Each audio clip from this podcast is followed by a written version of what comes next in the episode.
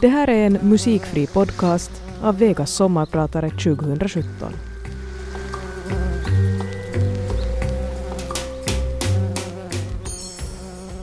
När jag kommer hem är det mörkt i tamburen. Det hörs svaga röster från vardagsrummet. Jag går genom tamburen och in i matsalen. Jag står i vardagsrummet och i soffan sitter några släktingar. Jag tror att det är min faster, min moster och kanske någon mer. Pappa finns inte mera, tror jag att de säger. Nästa minnesbild är att jag ligger i min säng och min moster sitter bredvid mig. Vad hon säger minns jag inte och jag tror inte att hon sitter där så länge. Jag har ingen minne av att jag sörjer. Jag är väl närmast förvånad. Fast jag är ju ganska luttrad. Sherry, min kära strävåriga tax, dog när jag var sju år. Fast då fanns lyckligtvis mamma ännu där och tröstade mig. Hon dog två år senare. Men nu är jag elva år och världen ligger öppen. Jag heter Markus Groth och jag är din sommarpratare idag. Under tonåren hade vi ett band som hette Loose Bank och det här var vår hit. Men det var egentligen inte det jag skulle berätta om utan om min barndom. Fast jag minns ju nästan ingenting av den. Jag har varit deprimerad under mer än hälften av mitt liv. 27 år, 3 månader och 19 dagar för att vara exakt. Jag började med det när jag var 9 år, 5 månader och 7 dagar. Det var när min mamma dog på canceravdelningen på Mejlans sjukhus. Eller så har jag hört det berättas att hon gjorde. Jag var inte där. Jag var väl för ung. För mig hade hon egentligen varit död sedan början av oktober 1969 då hon blivit intagen eftersom jag aldrig fick besöka henne efter det. Det var synd, för hon var en mycket trevlig mamma. Jag minns hur vi sitter i köket, hon och jag, och äter gårdagens pepper. Den bestod av uppvärmd spaghetti bolognese och är fortfarande min favoriträtt. Jag brukar bjuda den åt mina söner ibland och de håller med om det. Det är gott. Jag minns vårt kök mycket tydligt. Sherrys hundskål låg bredvid kylskåpet. Jag har ett minne i mina fingrar av hur jag krafsar honom bakom örat. Jag minns hans doft och ljudet av hans klor som låter mot korkmattan och hur han kommer springande mot mig när jag kommer hem från skolan. Han var svart med en hel del grått i pälsen, framförallt i skägget. En dag hade någon gett honom en stor korvbit som han slukade med den påföljd att den fastnade i halsen på honom. Mamma stack in två fingrar i hans strupe och tryckte in den.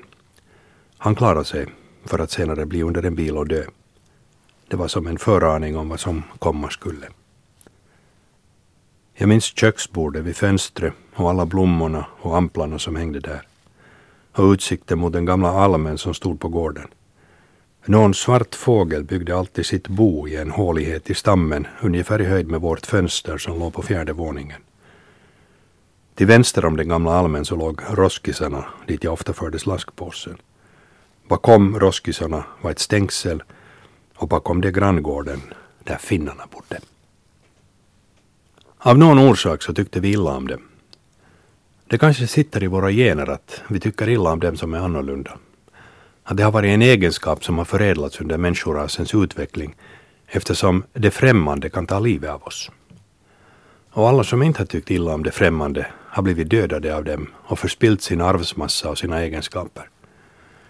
Vid det här laget så har vi lyckats ta livet av så gott som allt annat liv på vår jord, så nu återstår bara vi själva.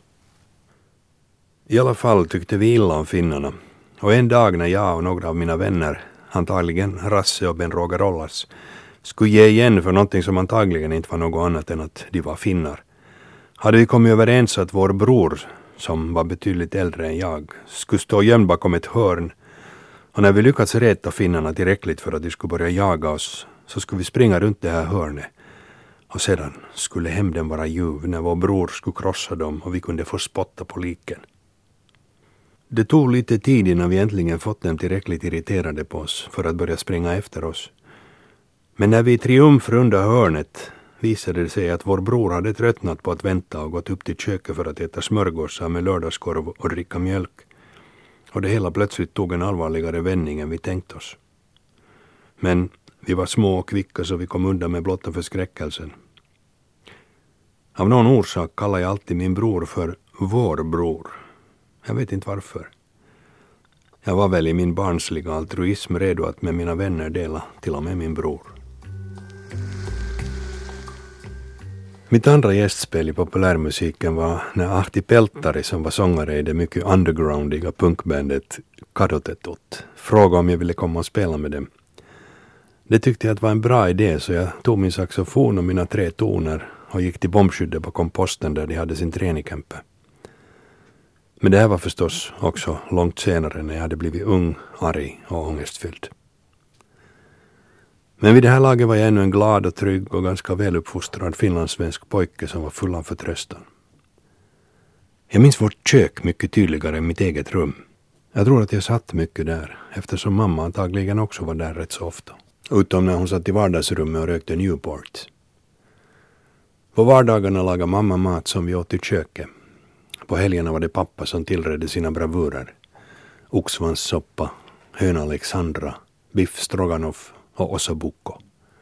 Det åts inne i matsalen med servietter och nysilverbestick.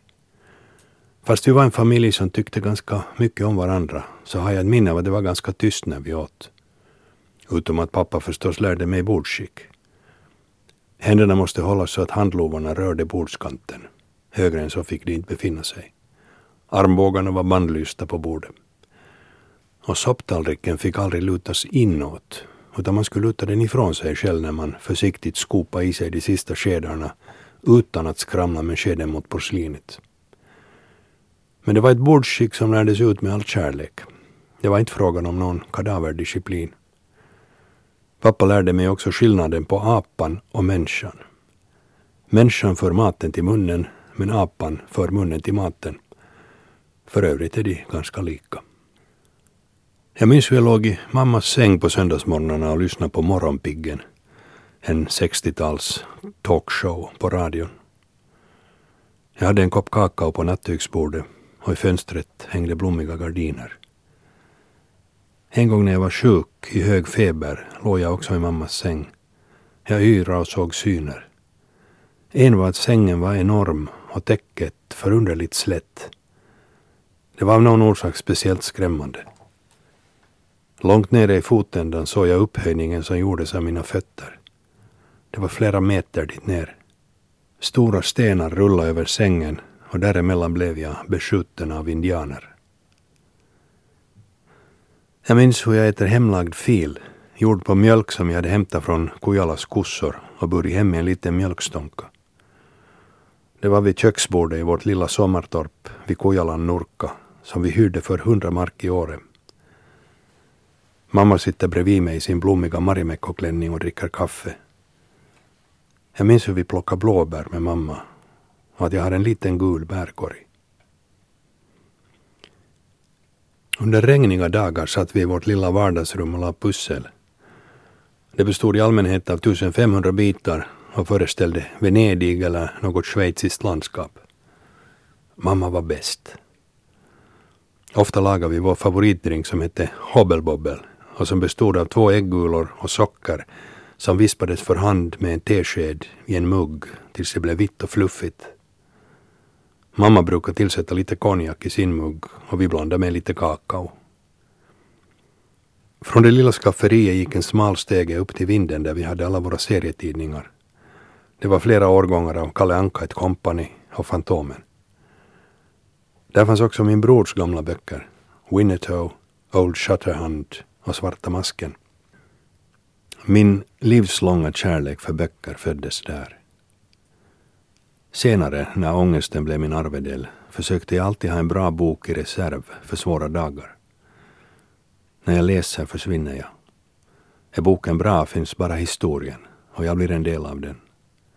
Det är som om min egen historia blir fiktiv och den fiktiva historien min verklighet. Det har alltid varit en befriande känsla. Nu för tiden när jag köper böcker är det första kriteriet att den är minst tre centimeter bred över ryggen. Jag tycker inte om när en god bok tar slut. Bakom köket låg vårt gemensamma sovrum. Min bror och jag sov i en våningssäng Jag i den undre för jag både talade och gick i sömnen. En morgon minns jag att jag vaknade under den. Mamma och pappa låg i varsin säng bredvid fönstret.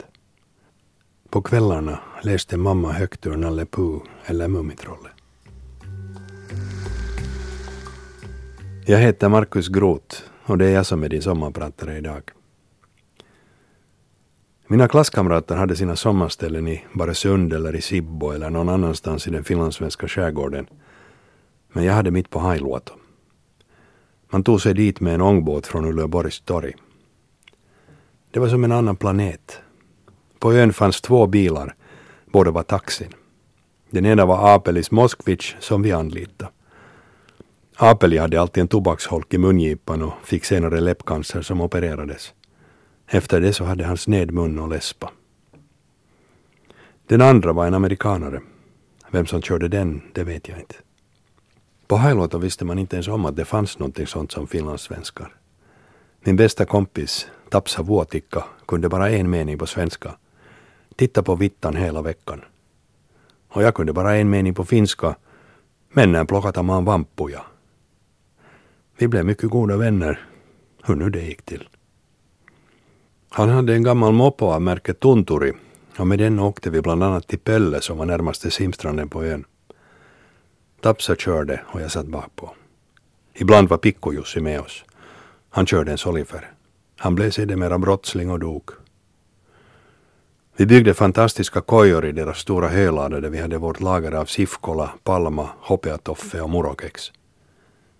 I Vuotikkas sommarkök drack jag mitt livs första kopp kaffe med grädde och mycket socker. Och med honom rökte jag också mina första cigaretter. Det var av ett märke som hette Smart.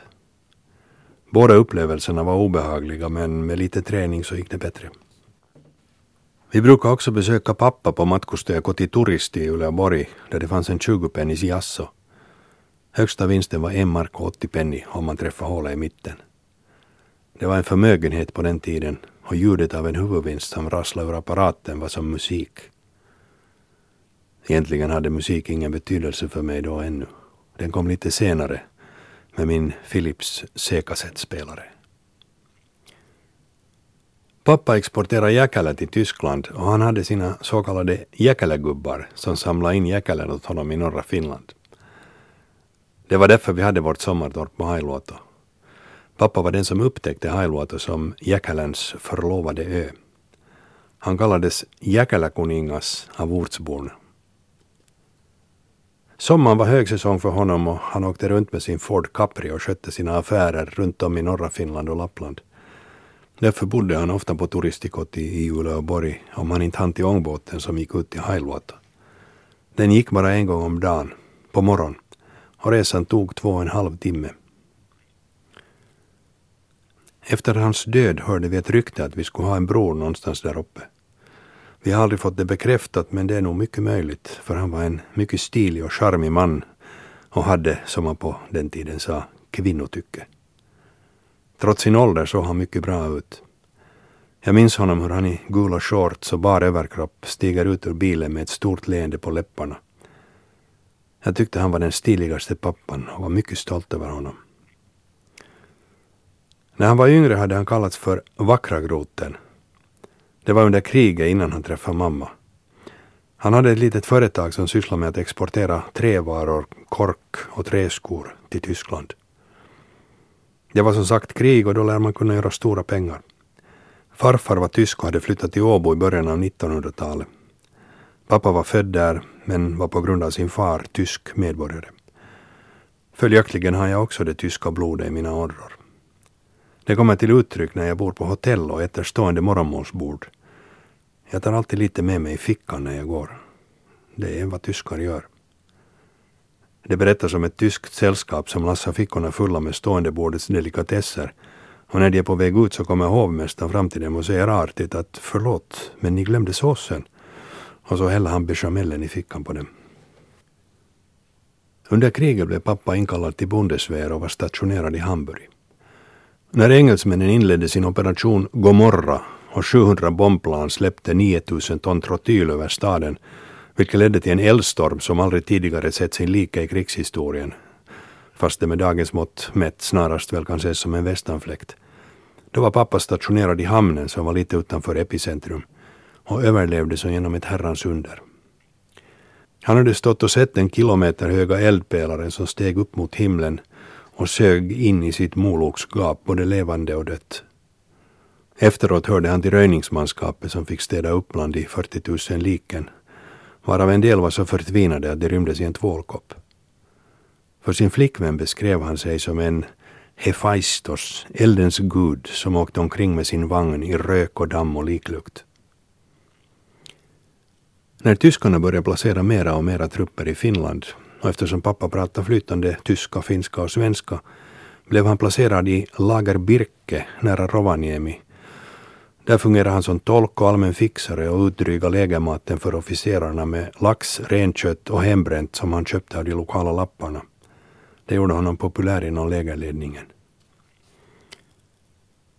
Han hade redan innan kriget varit intresserad av judisk filosofi och judisk litteratur och brukade gå omkring med Der judische Krieg i fickan. Han hade fått den av sin judiska granne på Östra allén, herr Pergament. Den hade han haft med sig också när han blev inkallad. Efter separatfreden med ryssarna så var tyskarna inte längre våra vänner. Pappa deltog i tyskarnas reträtt genom Lappland och när de befann sig någonstans vid trakten av Rovaniemi så lyckades hans sekreterare Särle, som också var någon form av flickvän, ta sig dit och muta militärvakten så att han släppte ut pappa på en sista promenad med sin käresta innan han skulle vidare till Tyskland. När hon hade fått ut honom från förläggningen så bytte han raskt om till en polisuniform som Sörle hade lånat från Svenska Teatern och flydde till Helsingfors. Pappa insåg att hans tyska medborgarskap inte skulle uppskattas av ryssarna som hade bildat en kontrollkommission i Helsingfors för att samla in alla krigsförbrytare och Tysklands vänner och skicka dem till Sibirien, så han blev finsk medborgare. Tyvärr lyckades inte krigslisten utan de var efter honom. Men eftersom affärerna trots allt gick bra så tog han risken att stanna kvar i Helsingfors, trots att många rått honom att fly till Sverige. En dag ringde Särle honom när han var hemma hos sin mamma där han bodde och berättade att ryssarna varit på hans kontor och frågat efter honom.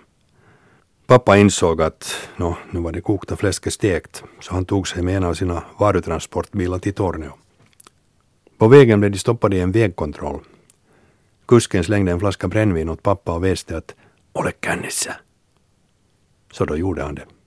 Han hällde halva flaskan i håret och resten drack han i tre frimodiga klunkar och sen började han sjunga Elämää juoksuhaudoissa medan han fingrade nervöst på sin browning som han hade i fickan. De klarade sig igenom. Det är nog från honom jag har fått mina skådespelartalanger. När de kommit till Torneå blev pappa dragen på en pulka över Torne älv till svenska sidan, där han hamnade i ett uppsamlingsläger och fick ett så kallat nansenpass för att senare bli svensk medborgare. Han stannade i Stockholm efter kriget och fortsatte sina affärer där. Särle, hans flickvän, flyttade också dit. En vacker dag blev de bjudna till Särles bror Tom för att äta middag. Tom hade med sig sin nya flickvän från Kotka. Hon hette Inga-Maria. Några dagar senare upptäckte Särle att pappa var försvunnen. Det visade sig att han hade rest till Kotka och fria till denna Inga-Maria som hade sagt ja. Och flera år senare så blev hon min mamma. På bröllopsdagen hade Särle ringt till Inga-Maria och frågat henne om råd huruvida hon skulle kasta sig i strömmen eller hoppa från Katarinahissen.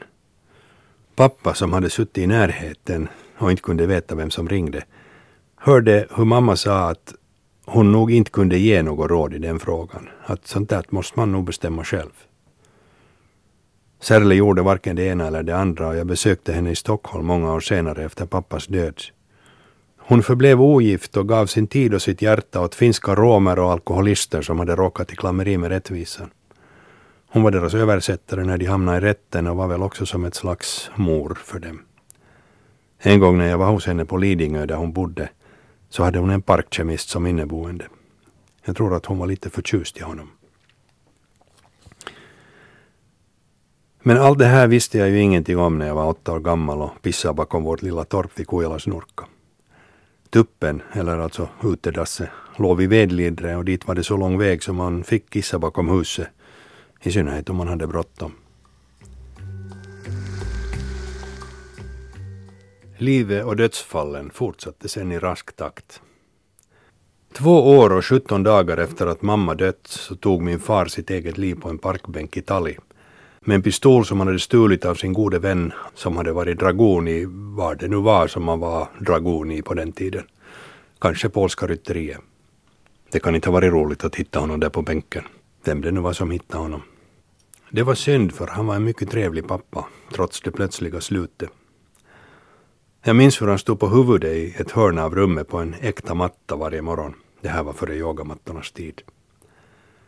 När det hade gått sämre med affärerna, den tiden han ännu bodde med sin mamma i Stockholm, hade han umgåtts med två yogir och levde i stort sett på melass och ris.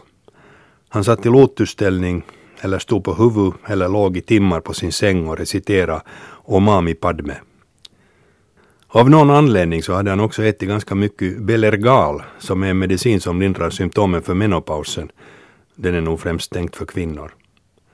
Och om någon undrar vad han sysslar med så hade hans mamma, som avgudade honom, irriterat sagt att han jobbar nog på sitt sätt. Det blev senare ett bevingat ord inom familjen och sades alltid när någon gjorde någonting fullkomligt obegripligt. Jag minns hur vi kör i vår nyköpta Ford Capri 3000 på den långa rakan till Marjaniemi för att pröva hur fort den går. 187 kilometer i timmen. Den slog vår gamla Ford Anglia med hästlängder. Det var mycket på den tiden. Det fanns bara två Ford Capri 3000 i Finland när vi köpte vår. Pappa fick säkert bra rabatt för Fords finska VD var vår granne på Solnavägen där vi bodde. Jag minns att han gav mig min första körlektion bakom vedlidre. Jag måste ha varit nio eller tio år. Det slutade i diket. Jag minns hur vi på lördagarna sitter i hans rum på soffan och ser på den nyinskaffade svartvita TVn. Det var i den soffan han sov. Och när han var vaken så promenerade han omkring i rummet och mumlade franska verb. Bokhyllan bakom honom gick från golv till tak och från vägg till vägg. Jag antog att den var full av filosofi och böcker om franska verb. Han var filosofie magister och kallades med en viss vördnad av sina jäkelegubbar för maisteri. Jag trodde länge att han hade studerat filosofi och var filosof innan jag fick veta att det inte nödvändigtvis var så. Men hans bibliotek var enormt. Bredvid badrummet, i tamburen vid elementet, så hade Sherry sin hundkorg och jag minns hur jag sitter där i mörkret med honom och väntar att pappa ska komma hem. Det var inte det att jag skulle ha saknat pappa speciellt mycket men han hade en kamelhårsulster med djupa och hemlighetsfulla fickor. Grävde man tillräckligt djupt så kunde man hitta några vackra slantar. De stal jag och köpte godis med. Bredvid hans arbetsrum, bibliotek, sovrum så låg matsalen där vi åt på helgerna. Och sista rummet i raden var vardagsrummet där vi firade julafton. Också det rummet var fyllt av böcker men de var mammas. Det var romaner och kanske några diktsamlingar. Jag var 11 år när jag flyttade hem till min faster på Apollogatan 19 och Töle och började dela ut pääkaupungilehti för att få lite fickpengar. Faster Else hade redan funnits i huset i Mungsnäs tidigare. Hon hade mer eller mindre flyttat in efter mammas död för att ta hand om oss pojkar, så det var ganska naturligt att jag flyttade till henne efter pappas självmord. Min bror var redan 18 vid det laget så han flyttade till Karsberga med sin flickvän Janina. Varje torsdag morgon så fick jag 600 ovikta tidningar och reklamblad. De här satt jag och vek ihop och radade i en kappsäck och en axelväska för att sen bege mig ut för att bestiga trappor. För varje utdelad tidning så fick jag tre penny och för varje utdelad reklam så fick jag ett och ett halvt penny. Så om det bara var tidningen så blev det en förtjänst på 18 mark. Och med två reklamblad så blev det 36 mark. En förmögenhet för en 11-åring i början på 70-talet. Jag hade börjat min karriär som yrkesarbetare redan sommaren innan då jag jobbade på Hufvudstadsbladet som springbud. Efter någon vecka på jobbet så insjuknade jag i angina. Min farbror Hessu, som var husläkare på tidningen och kallades Billiga läkaren för att han var så dyr, skrev ut sjukledighet för mig fram till dagen innan jag skulle sluta jobba och sen tillbringade jag resten av sommaren på deras landställe på Villinge. Hessu var också den som hade upptäckt mammas bröstcancer när han hade berättat för mamma att det fanns en svulst i hennes bröst så hade hon frågat om det luktar granris. Han hade sagt att i värsta fall så var det nog så. Men han hoppades att det skulle sluta lyckligt och då skulle han ge henne rosor och förgett mig ej. Hesso bodde i ett mycket vackert hus i Villinge som jag nu senare minns som om det kunde ha varit i Provence. Hela huset var inbäddat i en prunkande trädgård och hans fru Mary lagade fantastisk mat. Hesso drack konjak och rökte kopiösa mängder galoas. Han släckte alltid sin cigarett i konjaksglaset tills han fick strupcancer och dog. Sedan dess har jag arbetat mer eller mindre i hela mitt liv. Som tolvåring började jag på eftermiddagarna efter skolan att jobba i vår närbutik som chef för fruktdisken. Några år senare blev jag kvällsvaktmästare på Arbetarinstitutet. Men då hade min faster redan dött i en hjärtinfarkt i en kemikalieaffär på Hesperiagatan. Det var synd för hon var en jävligt trevlig faster. Faster Else var över 70, lesbisk, storrökare, tyckte om whisky och var fräck i mun. Hon bodde i en tvåa på Apollogatan med Arthur. Han var inte hennes egentliga man, utan hon hade levt med hans syster Hiller. Men det passade väl inte på den tiden så Arthur fick vara förkläde. Hiller var dövstum och hade dött redan flera år tidigare. Jag har ingen minne av henne. Men jag har läst deras brevväxling då Else satt nio månader i kvinnofängelse i Tavastehus för någon slags försnillning hon hade arbetat som sekreterare på en exportfirma som låg i Stockmans sjätte våning. Där låg också frisören som mamma och jag gick till för att klippa mitt hår. Jag fick välja om jag ville sitta i en racerbil eller ett flygplan under proceduren. Och efteråt fick jag rida på en mekanisk häst som var uppstallad vid Guldfiskdammen på fjärde våningen. I fängelse blev Else religiös och fick smeknamnet Jämere eftersom hon var så bra på att tömma pottor. Senare fick hon hand om deras bibliotek och under festliga tillfällen så uppträdde hon med Ave Maria som hon spelade på sin fiol. Hon var nog säkert populär bland mördarna och mordbrännarna. Breven till sin älskade, som hon kallade Pusselus, svämmar över av kärlek och omtanke. Hon berättar bland annat att hon måste dela cell med mängder av vägglöss och en temperamentsfull dam som hette Take It Easy Tricks och att det tydligen var besvärligt för hon skämdes över att hon bombar när hon sover. Hon hade tydligen sällsynt mycket gaser i magen. Eller så var det bara av omtanke för sin medsyster i cellen. Else tänkte nämligen alltid framförallt på alla andra. Om man frågar henne hur det var att vara där så svarar hon att Nå, det går nog bara man vejvar. Hon var också en av de kvinnor med stort hjärta som tog hand om mig i min barndom. Jag minns när hon fick fast mig för att jag smygrökte. Hon föreslog att vi skulle sluta bägge två. Jag var väl tolv år vid det laget. Så då gjorde vi det. Jag lyckades inte helt, men hon gjorde det. Fast hon hade ju bara rökt i 50 år. Jag minns att jag en gång kom hem berusad. Min bror hade som vanligt langat vin åt mig och mina vänner. Rioja Tinto, Erkin Pikakiveri eller Mavrud. Vi drack alltid rödvin men det fanns de som drack vitt vin som Ompu Fetaska eller Bulle Bulle. Men de tog vi inte riktigt på allvar. Jag var ungefär tolv och försökte hitta in i mitt rum i den mörka farstun. Problemet var att jag inte hittade handtaget. När min faster öppnade dörren till sitt rum och det blev ljust i tamburen så märkte jag att det var för att jag hade letat i fel ända av dörren. Jag gjorde en snabb omorientering och lyckades ta mig in i mitt rum utan vidare pinsamheter och sådär i förbifarten mumla ett godnatt och stängde dörren. Faster Else nämnde aldrig den här incidenten med ett ord. Hon tyckte väl att jag hade fått min beskärda del av straffen nästa morgon. Hon föreslog åtminstone inte att vi båda skulle bli nykterister. Det skulle hon inte ha klarat av, eller ens vela. Hon tyckte för mycket om whisky. Men hon var prima. Det enda som jag skäms lite över nu i efterhand var att jag inte ville gå bredvid henne när vi gick på gatan. Jag ville inte att folk skulle tro att jag hade en så gammal mamma. När släkten igen måste bestämma sig för hur de skulle göra med pojken som tycktes vara livsfarlig för sin omgivning så fanns det några olika arbetshypoteser. En var att jag skulle flytta till Gigun, som alltså var dotter till Ali som bestulde oss på vårt arv. Hon var en fin kvinna och också hon mycket kärleksfull. Så blev det inte. En annan var att min kusin Olle som var diplomat och placerad i Pinochets Chile skulle ta hand om mig. Jag trodde att det var bra att det inte gick så. Det enda jag hade kvar var ju mina vänner i Munksnäs. Och min bror förstås, som dödsföraktande hade föreslagit att han skulle ta hand om mig. Och så blev det. Det är jag honom evigt tacksam för. Utan honom så vette gudarna hur det skulle ha gått. Han flyttade tillbaka till Apollogatan och där bodde vi sen hela min ungdom på tu man hand. Eller tumman hand är nu en underdrift. Det blev en frizon för våra vänner när de behövde komma ifrån sina föräldrar och veckosluten kunde vara ganska fartfyllda. Lyckligtvis så hade vi förstående grannar. Jag var 13 år och barndomen var förbi för min del. Jag hade blivit en liten vuxen som stod med förvåningens finger i häpnadens mun och såg på världen som kastade sig över mig.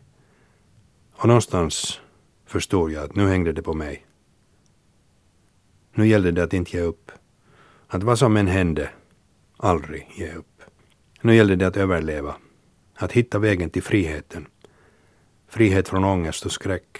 Frihet från känslan av hopplöshet och förtvivlan. Frihet från det förflutna. Och så tog jag det första steget.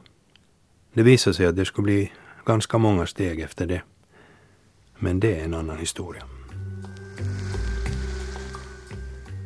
Jag har tyckt om barn så länge jag kan komma ihåg.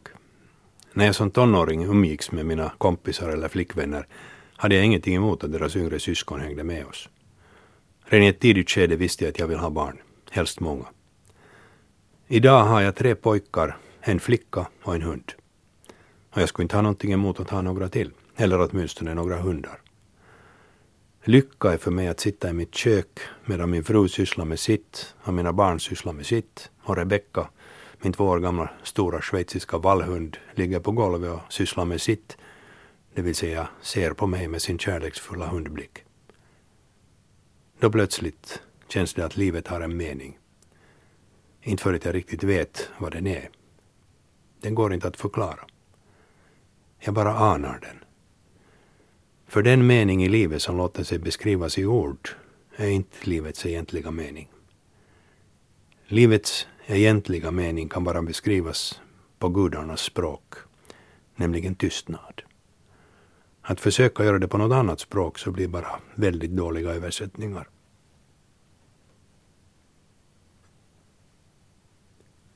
Jag heter Markus Groth och jag har varit din sommarpratare idag.